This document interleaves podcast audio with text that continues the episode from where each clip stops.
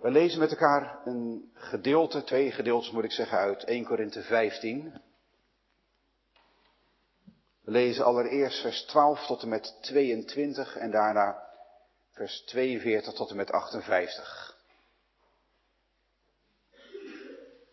Dus 1 Korinthe 15 vanaf vers 12 tot en met 22 en daarna 42 tot en met het slot van dit hoofdstuk. En op deze plaatsen luidt het heilig en gezaghebbend woord van God als volgt. Als nu van Christus gepredikt wordt dat hij uit de doden is opgewekt, hoe kunnen sommigen onder u dan zeggen dat er geen opstanding van de doden is? En als er geen opstanding van de doden is, dan is Christus ook niet opgewekt. En als Christus niet is opgewekt, dan is onze prediking zonder inhoud. En zonder inhoud is ook uw geloof. En dan blijken wij ook valse getuigen van God te zijn. We hebben namelijk van God getuigd dat hij Christus heeft opgewekt. Terwijl hij die niet heeft opgewekt als inderdaad de doden niet opgewekt worden. Immers, als de doden niet opgewekt worden, is ook Christus niet opgewekt. En als Christus niet is opgewekt, is uw geloof zinloos. U bent dan nog in uw zonde. Dan zijn ook zij die in Christus ontslapen zijn verloren. Als wij alleen voor dit leven op Christus onze hoop gevestigd hebben, zijn wij de meest beklagenswaardige van alles mensen. Maar nu, Christus is opgewekt uit de doden en is de eersteling geworden van hen die ontslapen zijn. Want omdat de dood er is door een mens, is ook de opstanding van de doden er door een mens. Want zoals allen in Adam sterven, zo zullen ook in Christus allen levend gemaakt worden. Vers 42, zo zal ook de opstanding van de doden zijn. Het lichaam wordt gezaaid in vergankelijkheid. Het wordt opgewekt in onvergankelijkheid. Het wordt gezaaid in oneer. Het wordt opgewekt in heerlijkheid. Het wordt gezaaid in zwakheid. Het wordt opgewekt in kracht. Een natuurlijk lichaam wordt gezaaid, een geestelijk lichaam wordt opgewekt. Er is een natuurlijk lichaam en er is een geestelijk lichaam. Zo staat er ook geschreven, de eerste mens, Adam, is geworden tot een levend wezen, de, laatste Adam tot een levendmakende geest. Het geestelijke is echter niet, niet eerst, maar het natuurlijke en daarna komt het geestelijke. De eerste mens is uit de aarde, stoffelijk. De tweede mens is de Heer uit de hemel. Zoals de stoffelijke is, zo zijn ook de stoffelijke mensen. En zoals de hemelse is, zo zijn ook de hemelse mensen. En zoals wij het beeld van de stoffelijke gedragen hebben, zo zullen we ook het beeld van de hemelse dragen. Maar dit zeg ik, broeders, dat vlees en bloed het koninkrijk van God niet kunnen beërven. En de vergankelijkheid beërft de onvergankelijkheid niet. Zie, ik vertel u een geheimenis. Wij zullen wel niet allen ontslapen. Maar we zullen allen veranderd worden. In een ondeelbaar ogenblik, in een oogwenk, bij de laatste bezuin. Immers de bezuin zal klinken en de doden zullen als onvergankelijke mensen opgewekt worden. En ook wij zullen veranderd worden. Want het vergankelijke moet zich met onvergankelijkheid bekleden en dit sterfelijke moet zich met onsterfelijkheid bekleden. En wanneer dit vergankelijke zich met onvergankelijkheid bekleed zal hebben, en dit sterfelijke zich met onsterfelijkheid bekleed zal hebben, dan zal het woord geschieden dat geschreven staat. De dood is verslonden tot overwinning. Dood, waar is uw prikkel? Graf, waar is uw overwinning? De prikkel nu van de dood is de zonde en de kracht van de zonde is de wet. Maar God zij dank, die ons de overwinning geeft door onze Heer Jezus Christus. Daarom, mijn geliefde broeders, wees standvastig, onwankelbaar, altijd overvloedig in het werk van de Heere, in de wetenschap dat uw inspanning niet te vergeefs is in de Heere. Tot zover onze schriftlezing. Zalig bent u als u het woord van God hoort, bewaart en daaruit leeft. Gemeente het woord van God, onze tekst voor deze avond, deze leerdienst, is 1 Korinthe 15 en daarvan vers 22. Want zoals allen in Adam sterven, zo zullen ook in Christus allen levend gemaakt worden. En dat naar aanleiding van zondag 22, vraag en antwoord 57. Het thema voor vanavond is dan ook, ik geloof de opstanding van het lichaam. De opstanding van het lichaam. En we gaan het over drie dingen hebben vanavond. Mijn troost, mijn ziel en mijn lichaam. Drie gedachten, denk ik, die heel gemakkelijk te onthouden zijn. Mijn troost, mijn ziel en mijn lichaam. Gemeente, ja, toeval bestaat natuurlijk niet, maar ik vroeg het me toen wel even af. Zo onderweg naar de begraafplaats ergens, toen ik een begrafenis leidde, toen viel mijn oog op een verkeersbord. Onderweg naar de begraafplaats. Kon er niet omheen kijken. Een blauw bord met een witte verticale streep erop en zo'n korte rode balk erboven. Nou, dan weet je het wel, hè? Doodlopend verkeer. Eigenlijk wel heel treffend zo onderweg naar een begraafplaats. Doodlopend verkeer. Of het bemoedigend is, dat vraag ik me af. Maar toen ging ik daar, daar toch eens over doordenken van welke begraafplaats is eigenlijk doorgaand verkeer. Dat je de ene kant erop komt en de andere kant er vanaf gaat.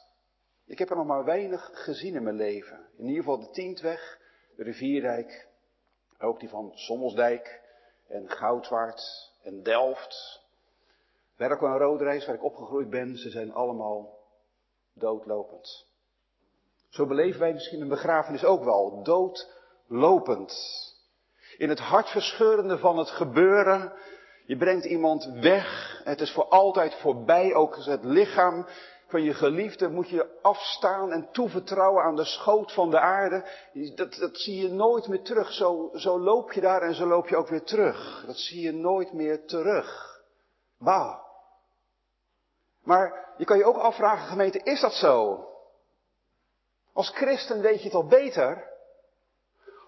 Onderweg naar, naar jouw graf, naar uw graf, staat er in ieder geval in het geloof geen bord doodlopende weg.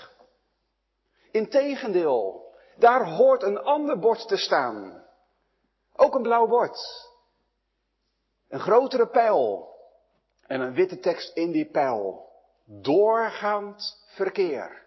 Dat staat er onderweg naar uw, naar jou, naar mijn graf. Dus geen doodlopend, maar doorgaand verkeer. En dat is troost om maar mee te beginnen. Doorgaand verkeer. En dat begon, begon allemaal op een privébegraafplaats. De hof van Jozef van Arimathea, met daarin Jezus graf open, leeg, met een boodschap die bepaald niet privé is, maar die de hele wereld ingaat. Hij is hier niet, hij is opgewekt. En dat gemeente maakt het leven voor ons graf compleet anders. Maar dat moet je wel leren. En daarom wordt er naar gevraagd vanavond door dit kinderleerboek. Voor de derde keer wordt gevraagd naar troost. Moet die andere keer ook maar eens opzoeken. Zondag 1, vraag en antwoord 1, vraag en antwoord 52 en dan ook dit antwoord.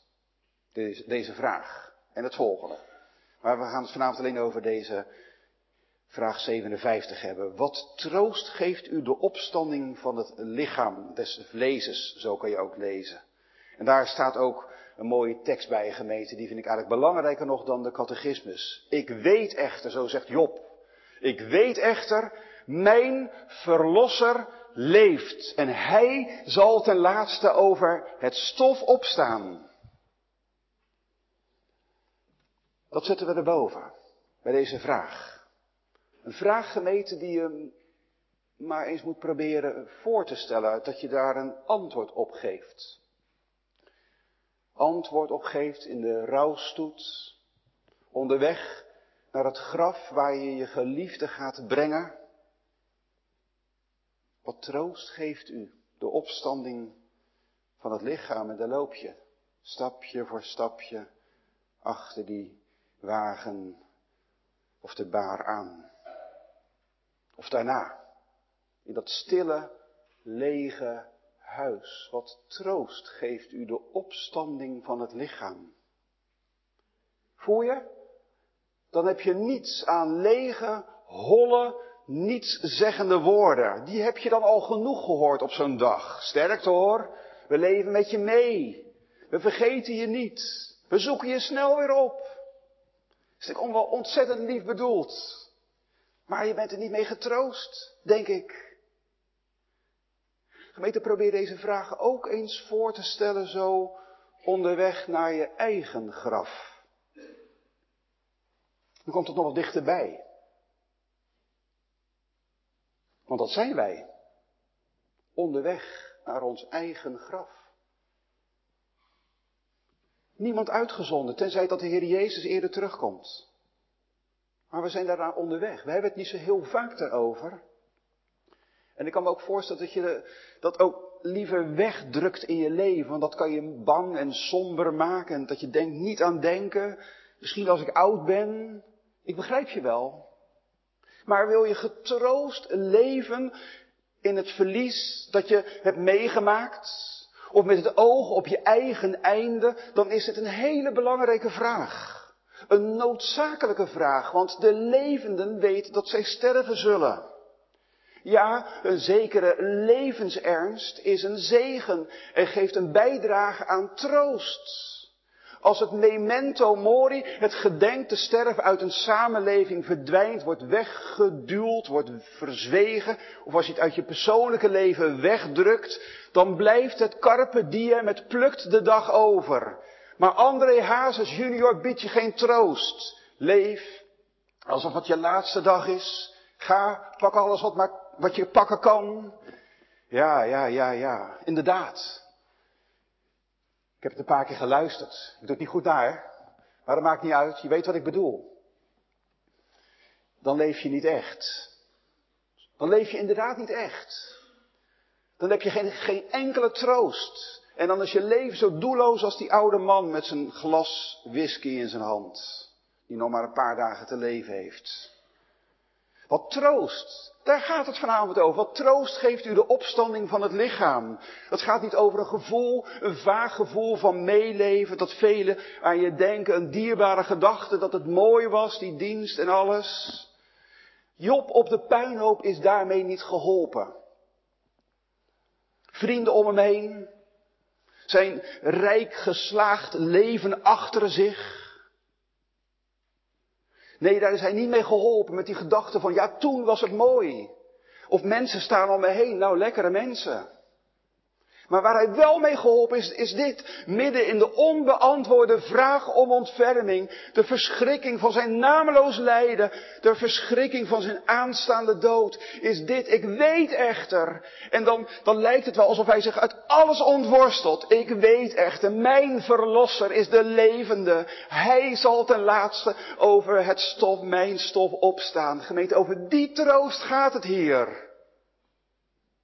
Niet om een dode waarheid uit de Bijbel waarvan je maar moet hopen en geloven tot die waar zal blijken straks. De opstanding van het lichaam is niet een op zichzelf staande waarheid, maar is een gebleken waarheid, een gebleken werkelijkheid in de opstanding van Christus. In deze wereld is het eerste graf al opengegaan. Een privégraf, maar met een boodschap met impact voor de hele wereld.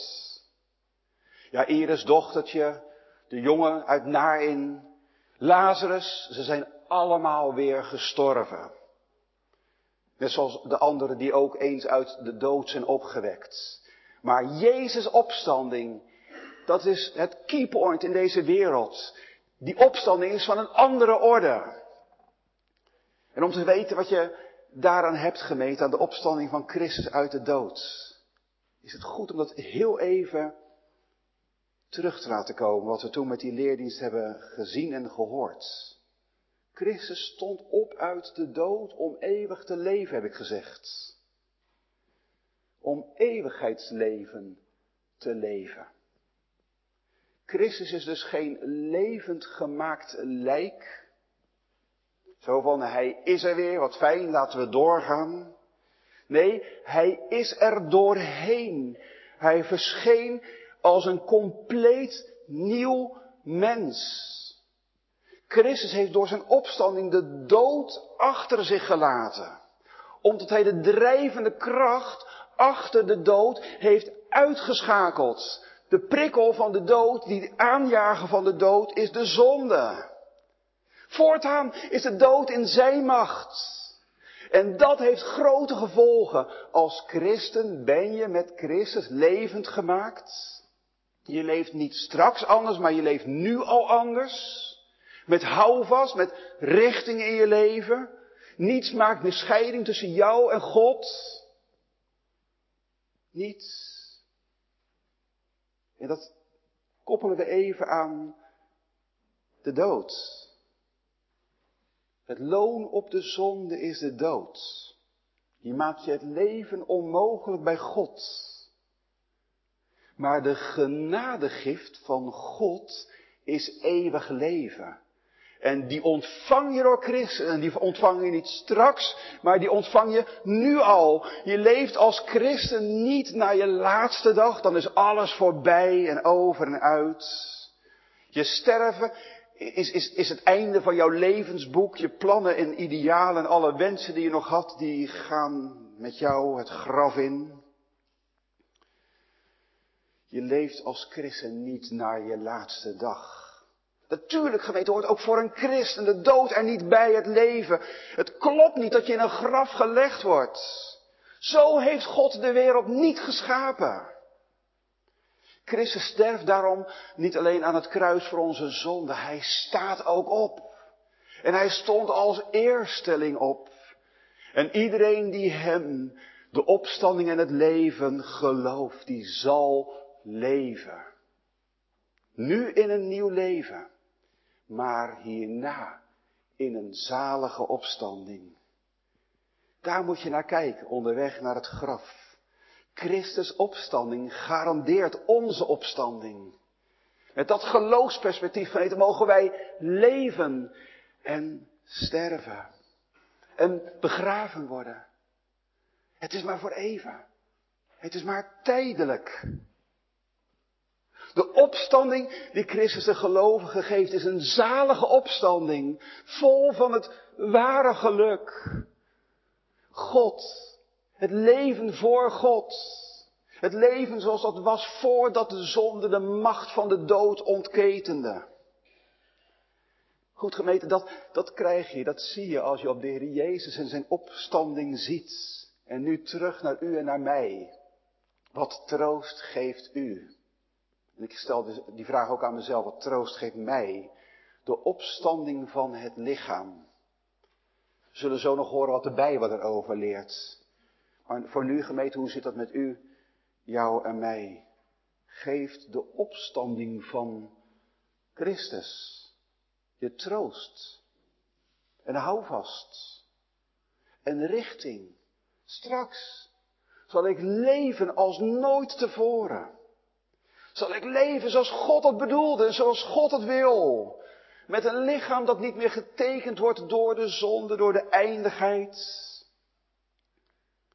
Ja, je kan er ook heel anders tegen aankijken, maar dan kom je bij het levensgevoel van Hazes.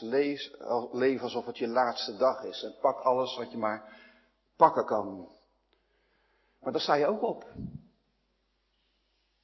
Ook Hazes senior zal eenmaal opstaan en Hazes junior volgt hem ook wel. Dan sta je ook op. Maar dan? Dan heb je alles gepakt wat er te pakken valt in het leven nu en hier. Je moest het voor je graf achterlaten. Kijk, kijk dan, dan sta je met lege handen. En troost is dan niet meer voorhanden.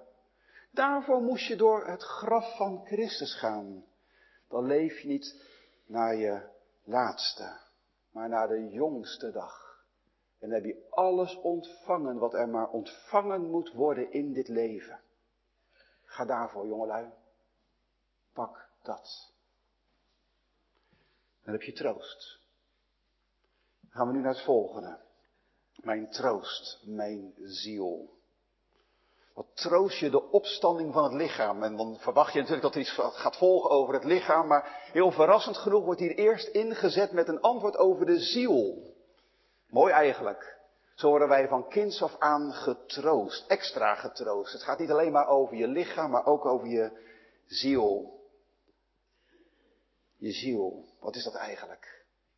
Je stond ooit zo bij het pas overleden lichaam van oma. En mama stond bij je. Mam, waar, waar is oma nu? Het was oma. Dat zag je wel. Maar tegelijkertijd ook zo anders. Oma was duidelijk niet meer bij je. terwijl haar lichaam nog op, op bed ligt, is haar ziel voor Gods troon. Dat verschil, dat, dat ervaart iedereen die bij een dode staat. En als je iemands heen gaan meemaakt, dan merk je dat. Indrukwekkend is dat gemeente het moment dat iemand de geest geeft. En die keert terug naar degene die hem gegeven heeft. En dat is God. Je zal direct voor Christus rechterstoel rekenschap afleggen. En dan?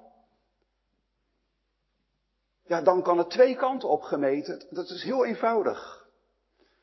Kom binnen, gezegende van mijn vader. Of ga weg. Ik heb je niet gekend, ik ken je niet.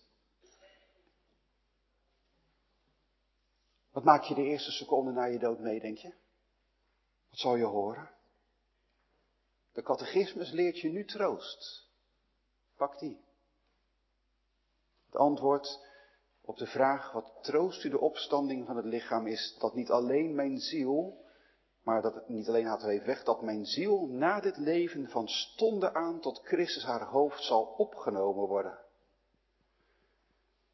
Hier past de uitspraak van Jezus bij tegen de misdadiger aan het kruis. En Jezus zei tegen hem voorwaar, zeg ik u, heden zult u met mij in het paradijs zijn. Het gaat dus ook over je ziel. En wat is je ziel eigenlijk? Ik heb net geprobeerd om dat gevoel een beetje op te roepen. Wat is je ziel? Je ziel heb je gekregen toen God je gemaakt heeft, toen God de mens schiep en vormde uit het stof van de aarde, blies hij de levensgeest in de neus van Adam en Eva om ze tot levende wezens, levende personen te maken. Dus de levensadem. Het geldt trouwens ook voor de dieren, om eerlijk te zijn. De schepper geeft ook de dieren de levensadem. En, en, de, en, en de prediker zegt dat verschil, dat zie je eigenlijk maar amper. Wie merkt op dat de adem van de mensenkinderen omhoog gaat, naar boven stijgt en dat de adem van de dieren naar beneden gaat, naar de aarde. En daar, daarmee bedoelt hij, de ene gaat naar God en de andere die verdwijnt. Want een dierenziel leeft niet eeuwig. Maar onze ziel wel. Als je sterft, dan geef je de geest. Je levensadem, je ik. Alles wat, wat je zo, zo maakt tot wie je bent. Zoals jij, zoals u is er geen ander. Jouw unieke persoonlijkheid. Door God door en door gekend en doorgrond. Beter dan dat je jezelf kent en begrijpt. Hij weet alles van je. Alle gedachten, alle gevoelens, alle indrukken, angsten, vreugdes, verlangens. Alles wat jou, u en mij als mensen tot mensen maakt. Jouw ziel, dat is de drijvende kracht in je leven. Het stuurt je doen en laten. En het zet je aan tot keuzes. Dat is je ziel. En die gaat eeuwig mee. Die verdwijnt nooit in het niets. Met je sterven is het niet over en uit met ons. Maar is het wel voorbij met genadetijd. Daar zal het over gaan, die eerste seconde na je heen gaan. Wat, wat zal je zeggen voor Gods troon, oog in oog met Christus op zijn rechterstoel? Hij die je helemaal kent en alles van je weet.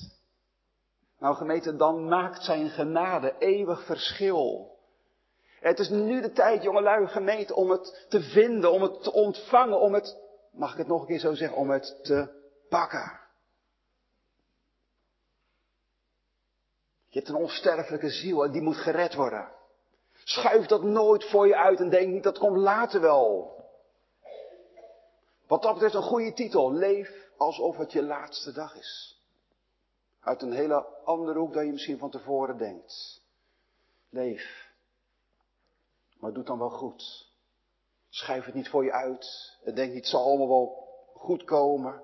Voor die misdadiger aan het kruis was het bijna te laat.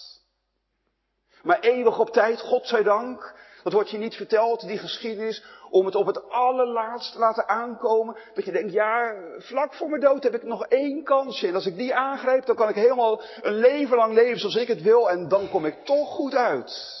Je weet helemaal niet of je op het laatst die gelegenheid krijgt. En misschien was het voor die misdadiger wel de eerste keer dat hij zo dicht bij de Heer Jezus was. En was het de eerste, de beste keer dat hij zijn zaligmaker ontmoette en hem vroeg, Heere, gedenk mij. En dat is wel troost als je een leven lang hebt voorbij laten gaan. En dan het voor het eerst ontmoet. Heere, gedenk mij. En weet je gemeente, als je het aan de gekruisigde vraagt. Als je het aan Jezus vraagt, is zijn antwoord altijd. Heden zult u met mij in het paradijs zijn. Omdat Christus u eenmaal daarvoor aan het kruis wilde sterven. Al jouw zonde, mijn en uw schuld op zich nam. Het voor je over had dat de vader tegen hem zou zeggen, ga maar weg, ik ken je niet. En de hemel dichtschoof, zijn liefde verborg. En Jezus achterliet in de hel van Gods toren. Zo bewijst Jezus zich jouw zaligmaker. Die met zijn kostbaar bloed voor al je zonde betaald heeft. Maar ook zijn ziel voor jou in de, in de smeltkroes van Gods toorn heeft overgegeven. Op zijn kosten gemeten mag je, mag je direct binnenkomen. Van stonden af aan. Op hetzelfde moment dat u de geest geeft. Uw geliefde in verdriet achterlaat. Juicht u voor Gods troon. Ben je thuis voorlopig? We zingen op het sterfbed van een christen wel. Dan ga ik op tot Gods altaar, tot God, mijn God, de bron van vreugde.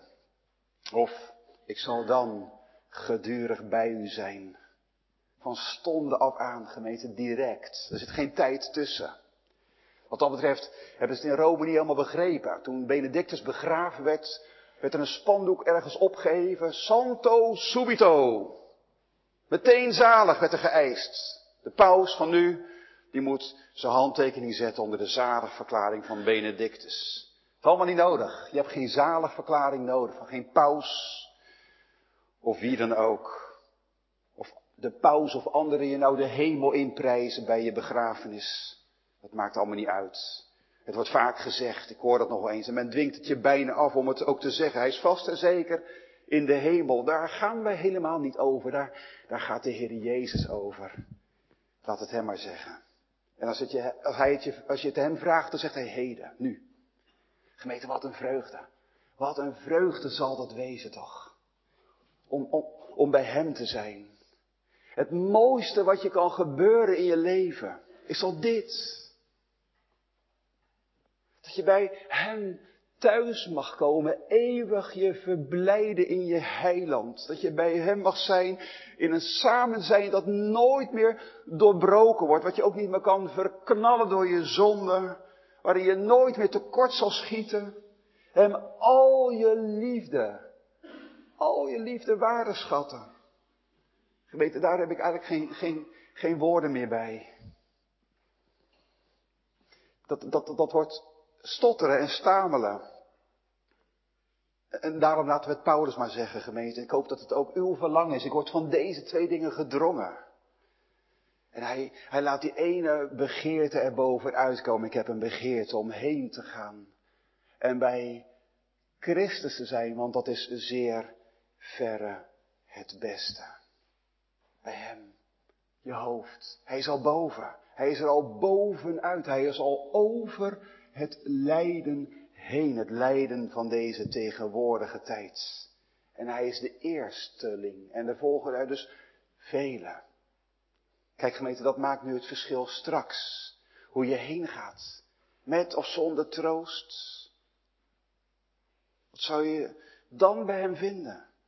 Als Christus nu je een en al niet is. Voel je het gaat om nu. Wie is Christus voor jou, voor u? Hem te kennen maakt eeuwig verschil. Dan hoef je niet met je hoofd gebogen en treurend vanwege het onafwendbare lot van je heen gaan, je leven te leven. Maar mag je met verlangen en verwachting hier naar uitkijken. Het wordt, het wordt zo mooi. Het wordt alleen maar mooier en heerlijker en beter dan alles wat deze wereld ons kan bieden. Ik heb een begeerte om bij Christus te zijn. Gemeente, laat dat het zo zijn bij u. Mijn ziel. En nu ook dat laatste, mijn lichaam. We waren, we zijn onderweg naar ons graf. Ik heb u geprobeerd te trekken in die stoet zo naar de begraafplaats. Je loopt mee in je eigen begrafenis. Je passeert het bordje doorgaand verkeer. Dat bord doodlopende weg, dat is een misser. Je leeft niet, weet ik hoe lang, om daarna in het graf voor eeuwig te verblijven. Ook al is je ziel eerder bij Christus, want dat jouw lichaam begraven wordt, jouw, uw lichaam is wel belangrijk en doet ertoe. Ook voor ons lichaam is er troost. Maar dat ook dit mijn vlees, zegt het antwoord, door de kracht van Christus opgewekt zijnde wederom met mijn ziel verenigd en aan het heerlijk lichaam van Christus gelijkvormig zal worden. Ik koppel hier 1 Korinthe 15 aan, vers 44. Een natuurlijk lichaam wordt gezaaid, een geestelijk lichaam wordt opgewekt. Er is een natuurlijk lichaam en er is een geestelijk lichaam. Ook dit mijn vlees. Gemeente, voel je de diepe verwondering in dit antwoord. Niet alleen mijn ziel, maar ook dit mijn vlees. Voel eens aan je lichaam. Kijk vanavond in de spiegel. Denk maar eens aan de hand van je geliefde die je moest loslaten. Je voelde de kou toetreden. Het lichaam van je vader, moeder, je man, vrouw, je kind, dat je voor het laatst verzorgde. Zijn haar lichaam net zo goed? Ook dit mijn lichaam, dit lichaam. Daarom vroeg ik u om vanavond voor de spiegel te gaan staan. Dit lichaam. Zo herkenbaar eigen, zoals u bent. Tot wie je geworden bent in de loop van je leven. Ja, dat lichaam. Dat eens als Christus niet eerder terugkomt in het graf wordt neergelegd. En God geeft dat je een fatsoenlijke begrafenis krijgt. Niet zoals een van de velen in het oorlogsgebied ergens op of onder de grond belandt. Vermist raakt, verdwijnt in de zee. Met de resten in de bedrijfsafvalcontainer van de abortuskliniek ingaat. Maar ook dan. Dit lichaam. Zo eigen. Zo bepalend voor wie je bent. Het natuurlijk lichaam, zoals Paulus dat zegt, dat gezaaid wordt in vergankelijkheid, in zwakte, in oneer. Ook dit lichaam, dat natuurlijke lichaam dat je gekregen hebt toen je geboren, toen je gevormd werd in de moederschoot. Ook dit lichaam, dat wordt opgewekt. Het wordt opgewekt, al is het tot stof vergaan, is het verdwenen, verbrand, is er niets meer van over. Ook dit lichaam heeft eeuwigheidswaarde. De schepper van het lichaam dat hij u gaf, weet precies hoe je eruit zag. Zou hij, gemeten met eerbied gezegd, zijn eigen ontwerp ooit kunnen vergeten? Als hij eigenhandig je geweven heeft, cel voor cel in de moederschoot. Als hij eigenhandig u naar lichaam verzorgde onderweg, zo in het leven. Als hij u met zijn eigen bloed ook naar uw lichaam heeft gekocht. Gemeente, laat niemand heidens denken dat het lichaam er niet toe doet. Sommige diepgelovigen hebben dat wel gezegd. Middeleeuwers en daarvoor. Die hebben gezegd, ja het lichaam dat is eigenlijk een gevangenis. Je ziel is daarin gevangen en niets kan mooier zijn dan dat je ziel bevrijd wordt. Er is ook een tijd geweest dat je lichaam iets minder waardigs was, onbelangrijk. En dat al het lichamelijke, ook de lichamelijkheid van de liefde bijvoorbeeld, het ook een beetje was. Minder waardig en vies en zo. Maar dat is niet zoals de schepper het heeft bedacht. Dit lichaam vindt hij zo belangrijk.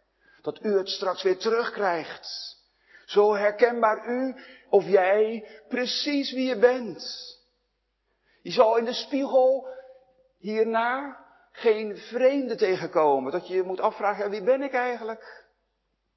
Het is dus geen vraag of er herkenning later zal zijn. God heeft ons niet als dezelfde mensen geschapen. We zien er niet als klonen uit.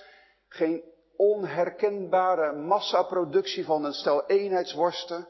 Maar in zijn veelkleurigheid, in zijn veelvormigheid heeft hij ons bedacht en gemaakt. En in al die ontwerpen weerspiegelt iets van de rijkdom, de creativiteit van onze schepper en God.